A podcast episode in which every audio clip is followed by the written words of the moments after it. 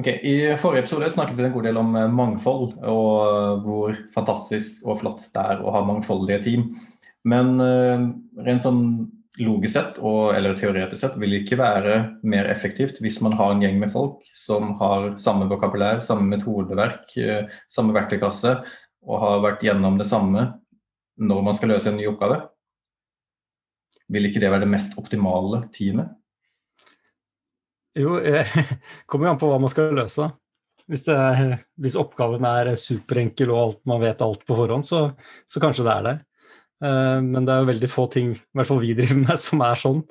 Uh, selv om det ser sånn ut ved første øyekast, så er det gjerne det er både større mulighetsrom og det er mer kompleksitet enn det man tror med en gang. Da.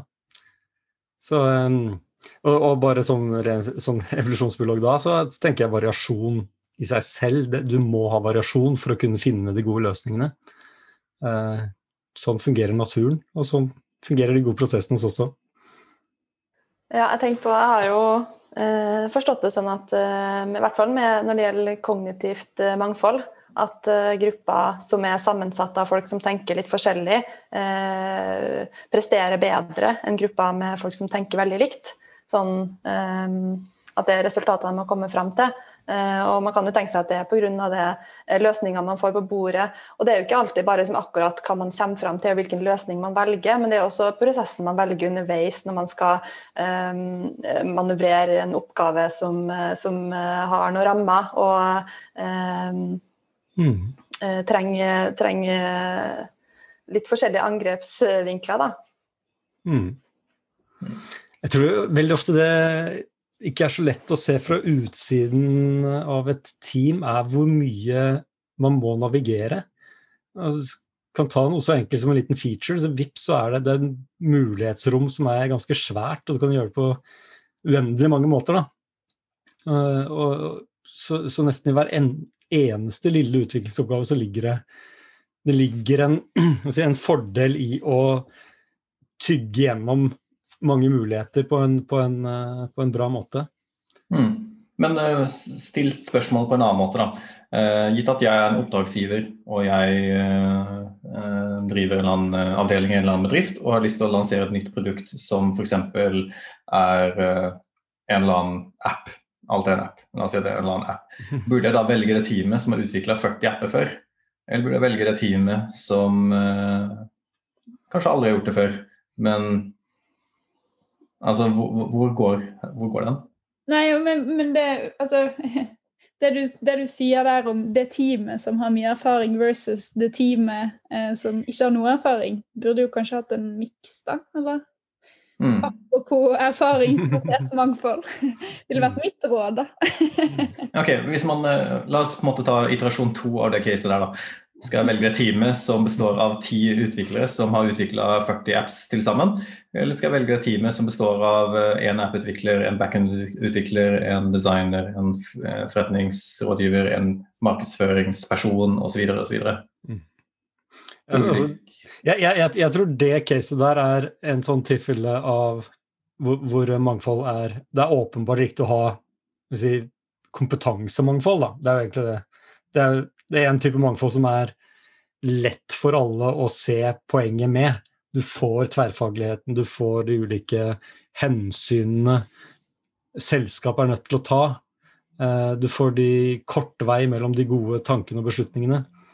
Eh, men, den, den, men den, er såpass åpenbar for alle at det, er, at det er smart, så det er kanskje andre typer mangfold som er litt vanskeligere å, å diskutere. Og... Eh, Eller det jeg egentlig eh, spør, da, er jo at hvis jeg velger et team som kun består av app-utviklere som har gjort dette før, så mm. vil jo de være produktive fra dag én. Mens de andre må bruke tid på å samkjøre seg mm. og finne ut av hvordan de skal løse den oppgaven her. Og finne sitt voka eh, felles vokabulær. da. Det er jo noen ulemper ved å ha gjort det veldig mange ganger før også. og Det er jo at man kan kjøre seg fast i et spor. Uh, og hvis du vil ha noe innovativt og helt nytt, så er det ikke sikkert at uh, det er noe den uh, erfarne gjengen kommer opp med. Så det er en ulempe å velge dem, da. Og så er det noe med, altså Her er det jo noe med hvilket perspektiv du tenker i. Sant? For det, på kort sikt så høres jo det ut som en god idé, men eh, risikoen her med å investere i mangfold er jo at verdien Du ser ikke nødvendigvis umiddelbart verdien. Den kommer på litt sikt. Mm. Eh, fordi, fordi, det er resultatet som på en måte avgjør verdien, på sett og vis. Eh, så fra et investeringsperspektiv, når du står der og skal bestille det oppdraget, så er det lett å, å falle for, for fristelsen på, på kapasitet. da. Men at det, litt som vi snakket om i sted òg, er, er, det så lurt hvis du har en kompleks problemstilling du står overfor, der du ikke vet helt hva outputen skal bli? da? Hmm. Det er interessant, da, fordi det man egentlig sier, er at det, det burde være en korrelasjon mellom hvor kompleks problemstillingen er, eller hvor usikker løsningsrommet er, med hvor mangfoldig team man burde ha. Sier vi det?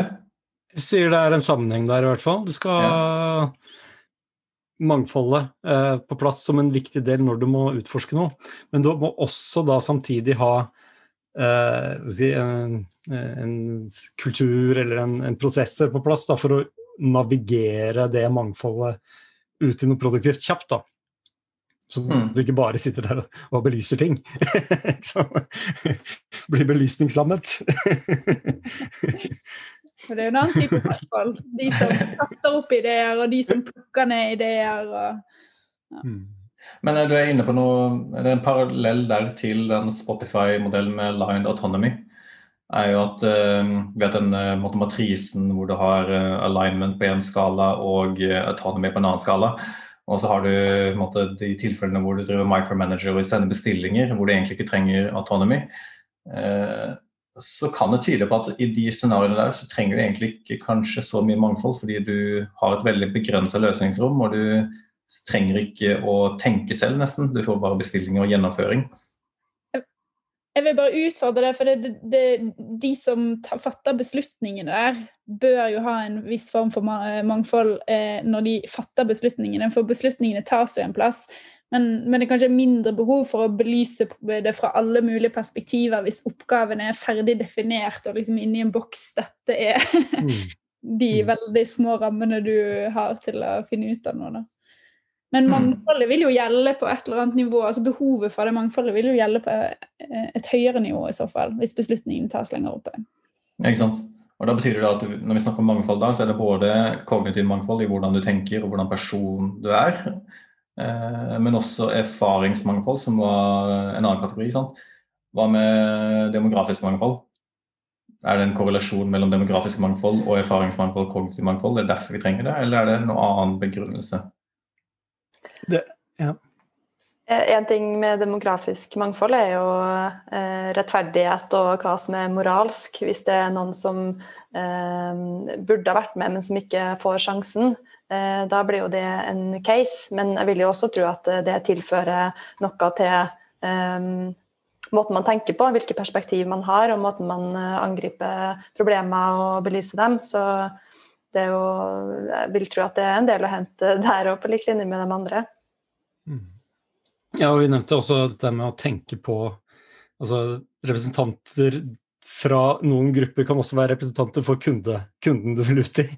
Og den måten å tenke på på samme måte som kundene tenker, kan man kanskje lettere finne da, ved å ha, ha, litt mer diversitet i, i sånne beslutningsorganer, annet.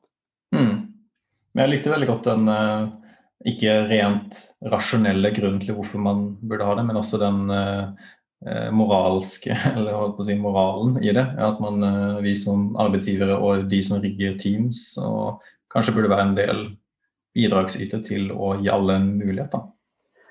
Jeg tenker også at det ikke trenger å være noen motsetning. Eh, det, det, å ta samfunnsansvar kan jo også lønne seg på lang sikt. Sånn som miljø, å være miljøbevisst. Det kan jo også føre til at du blir mer populær og, og tiltrekker deg folk. Og derfor uh, oppnår mer lønnsomhet i bedriften da, på lang sikt. Selv om det kanskje ikke er så målbart i starten. Mm. Det var en fin ting å slutte med, tror jeg. Mm. Takk for praten. Yay, takk.